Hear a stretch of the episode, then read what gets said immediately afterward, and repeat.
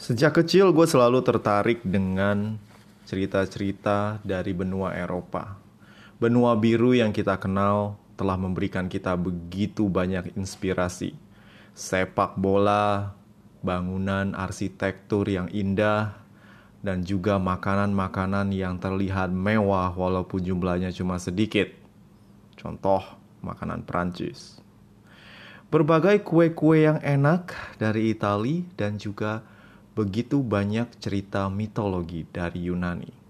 Benua ini memang merupakan suatu benua yang telah memberikan begitu banyak kontribusi bagi para manusia.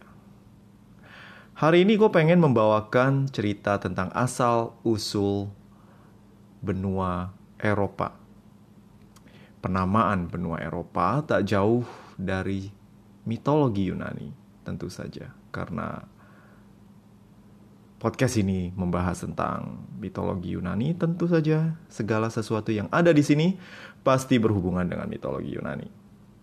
Oke, maaf telah membuang waktu Anda beberapa detik tadi dengan ocehan-ocehan gue yang gak jelas. Sekarang kita akan menikmati cerita penculikan Eropa.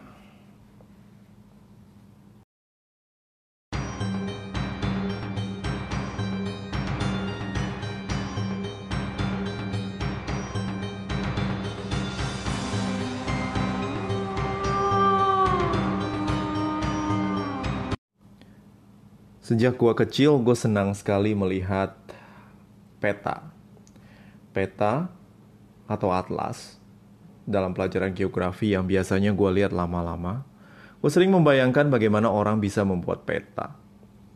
Gambaran laut, permukaan darat, sampai ke topografi ketinggian serta cuaca terkadang bisa digambarkan dalam bentuk buku bagi kita yang sudah mengalami perkembangan teknologi sampai ke perkembangan internet, yang memungkinkan kita untuk melihat bumi dalam bentuk bulat, jika Anda percaya kalau bumi itu bulat, jika Anda percaya bumi itu datar, well, terserah Anda deh. Gue nggak akan membahas tentang teori bumi datar atau bulat. Tapi gue pengen membahas tentang bagaimana pandangan orang kuno terhadap topografi mereka, terhadap wilayah mereka. Bangsa Yunani, Yunani kuno terutama, percaya bahwa ada beberapa benua. Bel, um, para pemuka dari bangsa Yunani ini memang sudah mengenal pulau-pulau dan sudah mengenal beberapa wilayah yang sampai sekarang masih kita anggap sebagai bagian dari dunia kita. Tentu saja. Pusat dunia menurut bangsa Yunani adalah Delphi atau pusarnya dunia. Tempat di mana Apollo dulu membunuh seekor ular besar yang terus menteror mama dan adiknya. Dan sekarang menjadi reruntuhan dari kuil yang pernah menjadi tempat tinggal dari Oracle Apollo yang bisa meramal tentang masa depan. Pusat dunia adalah Yunani. Demikian pemikiran orang Yunani. Beberapa wilayah Eropa lainnya merupakan bagian yang pernah dikunjungi oleh orang Yunani. Daerah Italia misalnya, Sisilia, dan sebagian besar semenanjung Italia yang mirip sepatu bot pengen nendang bola tersebut merupakan bagian dari wilayah Yunani yang kita kenal dengan nama Magna Graecia. Lalu, di sebelah timur, terdapat satu benua yang mereka sebut dengan nama Asia.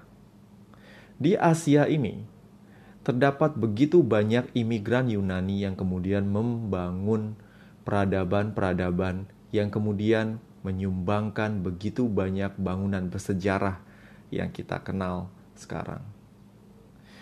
Bagian Asia ini merupakan provinsi bagian Roma yang pada zaman Yunani merupakan koloni bangsa Yunani. Kita mengenal kota-kota seperti Pontus, Efesus, Miletus, sampai berbagai kota yang sekarang sudah berubah namanya karena proses dari perubahan kekuasaan dan juga sejarah. Tak jauh dari wilayah Asia, terus ke arah tenggara, kita akan mendapati daerah yang kita kenal dengan nama Timur Tengah. Tempat yang dipercaya merupakan awal dari peradaban manusia.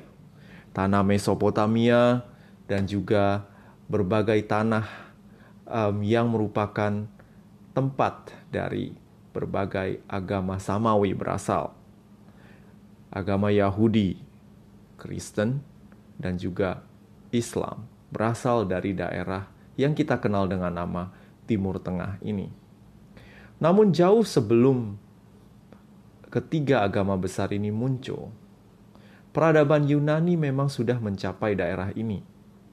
Dan bangsa Yunani percaya bahwa di daerah tempat Timur Tengah ini hiduplah beberapa tokoh legenda yang kemudian mengabadikan nama mereka dalam mitologi Yunani dan juga dalam peradaban Eropa.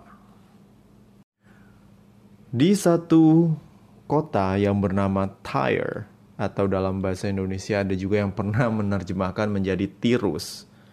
Tirus nama kota bukan Pipilu kalau misalnya lu belum gajian dan belum dapat makanan untuk kemudahan dan juga kekerenan gue akan memakai kata tire saja daripada tirus. Soalnya gue terus membayangkan nama tirus dengan kondisi cekak dompet gue tiap akhir bulan. Tirus! Oke okay. di kota tirus ini loh di kota Tyre ada satu raja yang bernama Agenor. Raja Agenor dan ratunya Telefasa merupakan penguasa dari kota Tyre yang sekarang berada di daerah Lebanon. Kedua pas, kepasa, pasangan suami istri dan juga raja dan ratu ini memiliki beberapa anak. Lima anak.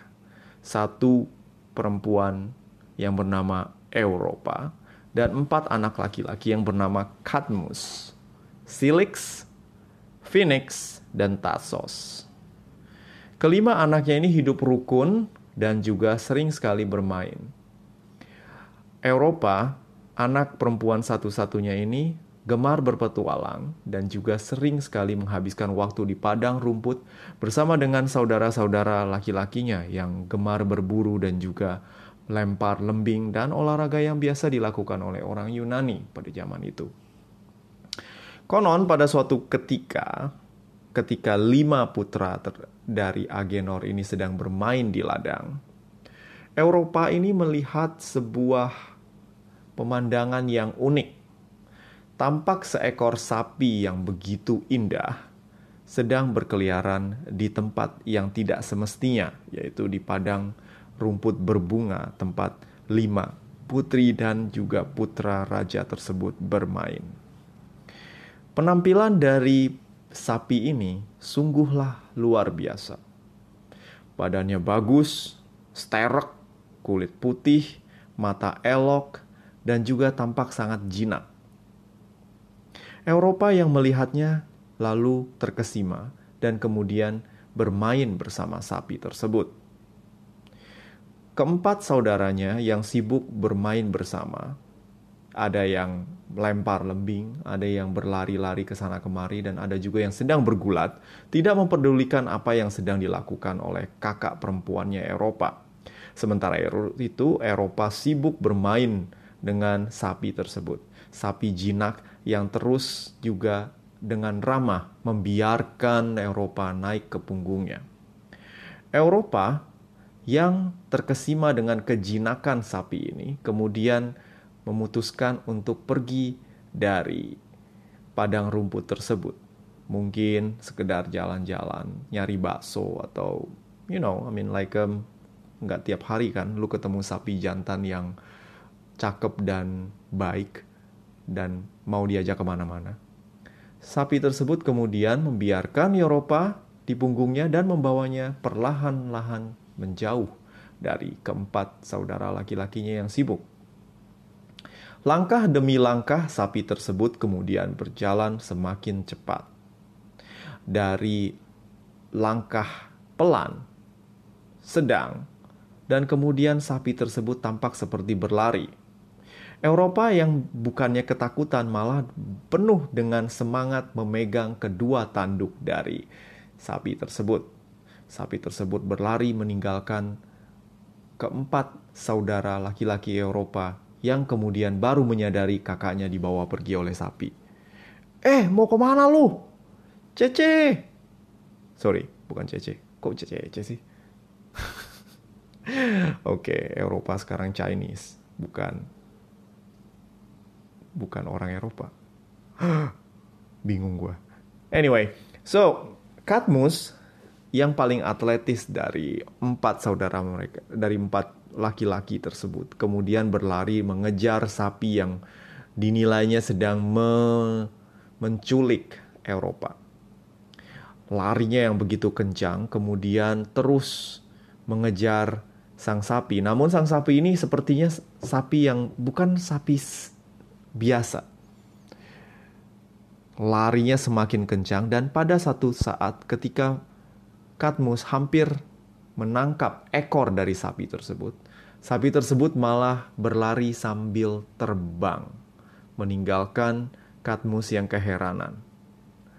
Eropa bukannya merasa takut malah semakin girang dan kemudian sapi tersebut berlari jauh meninggalkan Katmus yang keheranan. Katmus yang takut diomelin papanya lalu berunding dengan adik-adiknya. Phoenix menyarankan untuk berbohong kepada bapaknya. Bilang aja Cece lagi pergi ke mana gitu nanti dia balik. Lagian mana mungkin uh, papa bakal percaya kalau Cece di diculik sama sapi. Nggak masuk akal kan? Tapi tapi ini beneran kan? Lu lihat kan sapi itu? Iya kokoh. Gue lihat. Tapi gimana jelasinnya? Lalu Tasos yang paling kecil dan juga paling um, bijak mengatakan kepada Katmus kok mendingan kita jujur aja lagi. Lagian ini zaman mitologi. Apa pun bisa terjadi. Siapa tahu memang Cici sedang dibawa oleh, you know, mungkin dewa, mungkin Zeus. Ingat gak waktu kecil kita pernah diceritain kalau Zeus itu pernah berubah menjadi elang, terus pernah jadi hujan emas, terus pernah juga jadi uh, binatang lain untuk, you know, mau sama cewek. Mungkin emang cici kita dibawa sama Zeus Katmus pun berpikir keras dan berusaha untuk mencari solusi dari uh, untuk menjelaskan ini kepada ayahnya. Namun saran dari uh, Tasos kemudian diterima. Ketika menceritakan hal ini kepada Raja Agenor ayahnya, Agenor dan juga Telefasa menangis meraung-raung mengingat Eropa adalah anak kesayangan mereka. Sang putri yang cantik dan juga cerdas tersebut sekarang hilang karena diculik oleh sapi, katanya.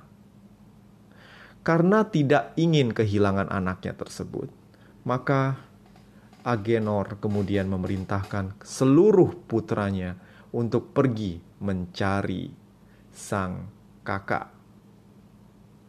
Kadmus yang pusing kemudian memikirkan kita mau cari ke mana? Satu-satunya petunjuk adalah sapi, dan sapi tersebut terbang ke arah barat bersama kakaknya. Aduh, kenapa nih kita jadi ngurusin sapi ya? Gimana ini? Sementara itu, sang sapi membawa Eropa menuju ke daerah barat. Eropa yang pada saat ini sudah menyadari bahwa ini bukan sapi biasa, kemudian berkata kepada sang sapi, "Wahai sapi, siapakah engkau? Mengapa engkau sapi tapi bisa terbang?"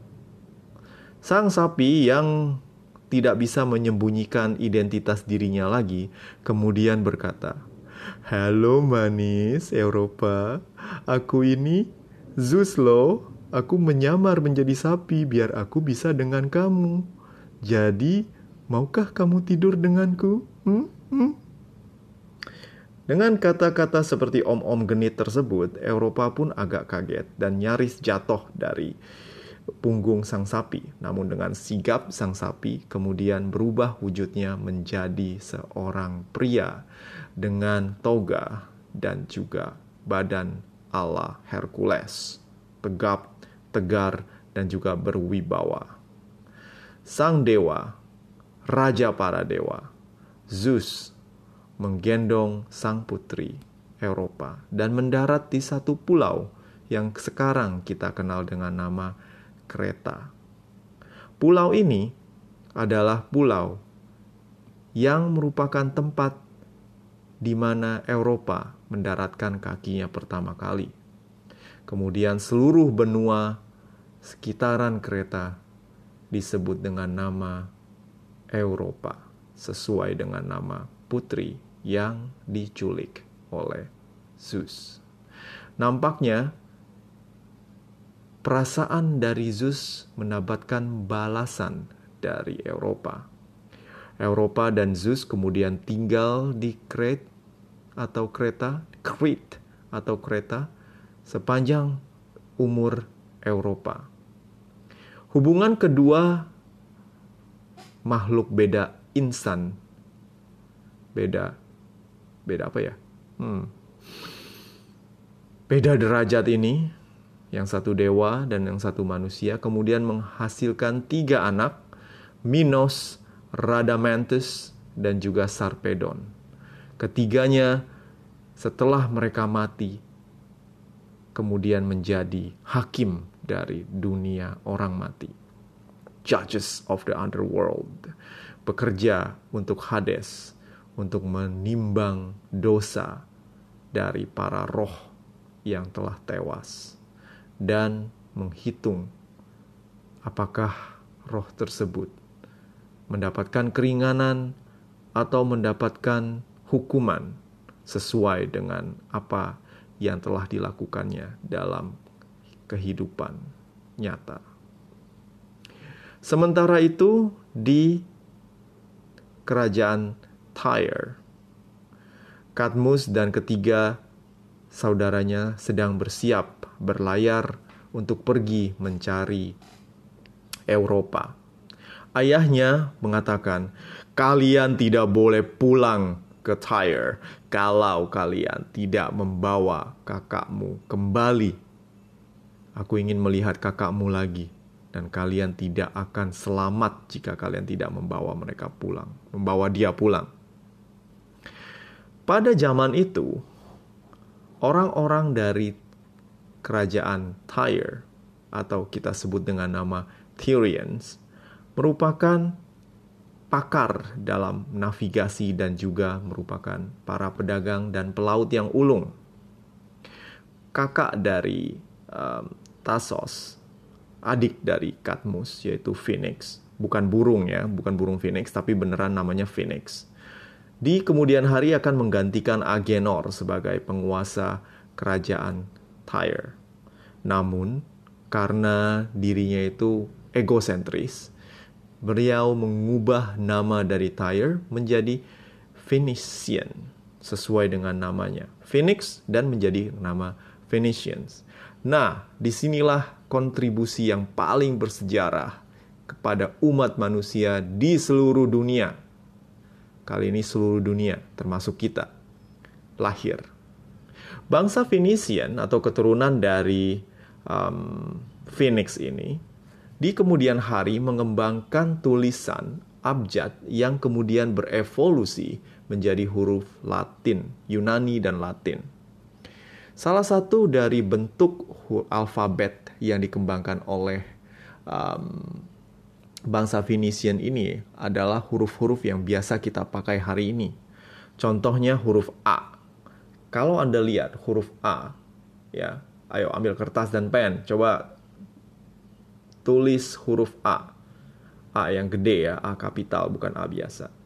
Jika Anda menulis huruf A dan kemudian membaliknya, Anda akan melihat bahwa bentuk dari A ini akan menyerupai seekor kerbau atau sapi dengan kedua tanduk. Coba balik. Ya kan? Bener kan? Mirip sapi kan? Kalau enggak, mungkin lu nggak bisa nulis A. Huruf A ini yang dalam bahasa Yunani disebut alfa berhas, berasal dari bahasa Finisia yang artinya alef atau sapi. Alef, sapi, dan alef kemudian berubah menjadi alfa. Huruf A yang kita kenal sampai sekarang menjadi bagian dari huruf yang kita sehari-hari gunakan. Bayangkan begitu besar kontribusi dari bangsa Finisia kepada umat manusia. Pada saat itu, bangsa Finisia merupakan bangsa pertama yang menuliskan alfabet yang sesuai dengan suara. Sementara peradaban lain baru membuat, um, contohnya Mesir, mereka menggunakan hieroglif, yaitu uh, alfabet atau tulisan dalam bentuk gambar atau tulisan paku. Yang lain di bangsa Sumeria juga membuat alfabetnya sendiri. Namun yang mendasarkan suara adalah bunyi ya atau suara adalah bangsa Fenisia. Jadi di seluruh Mediterania, termasuk uh, Afrika Utara dan juga Timur Tengah, mereka semua sudah bisa berkomunikasi dengan menggunakan simbol-simbol atau alfabet pada papirus. Ya, papirus itu sejenis kertas yang dibuat dari uh, apa ya? Ya, dari papirus di dari Mesir. Terus ada juga yang membuatnya dalam parchment atau perkamen, uh, you know, kulit sapi atau bentuk-bentuk lain yang sekarang masih kita pelajari dan memberikan sedikit pencerahan tentang kehidupan mereka pada saat tersebut. Lalu tulisan-tulisan ini ya atau alfabet inilah yang kemudian dibawa oleh Katmus dalam misinya mencari Eropa ke benua yang sekarang kita kenal dengan nama Eropa.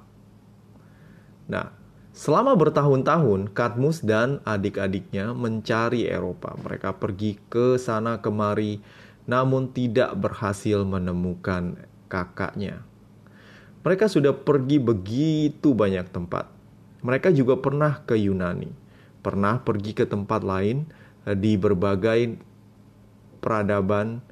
Ya, ada yang sampai ke Italia, ada yang sampai ke Afrika dan lain-lain. Namun mereka sepertinya mengalami hambatan yang bersifat surgawi atau hambatan yang asalnya dari dewa karena mereka tidak bisa mencapai tempat yang namanya kereta.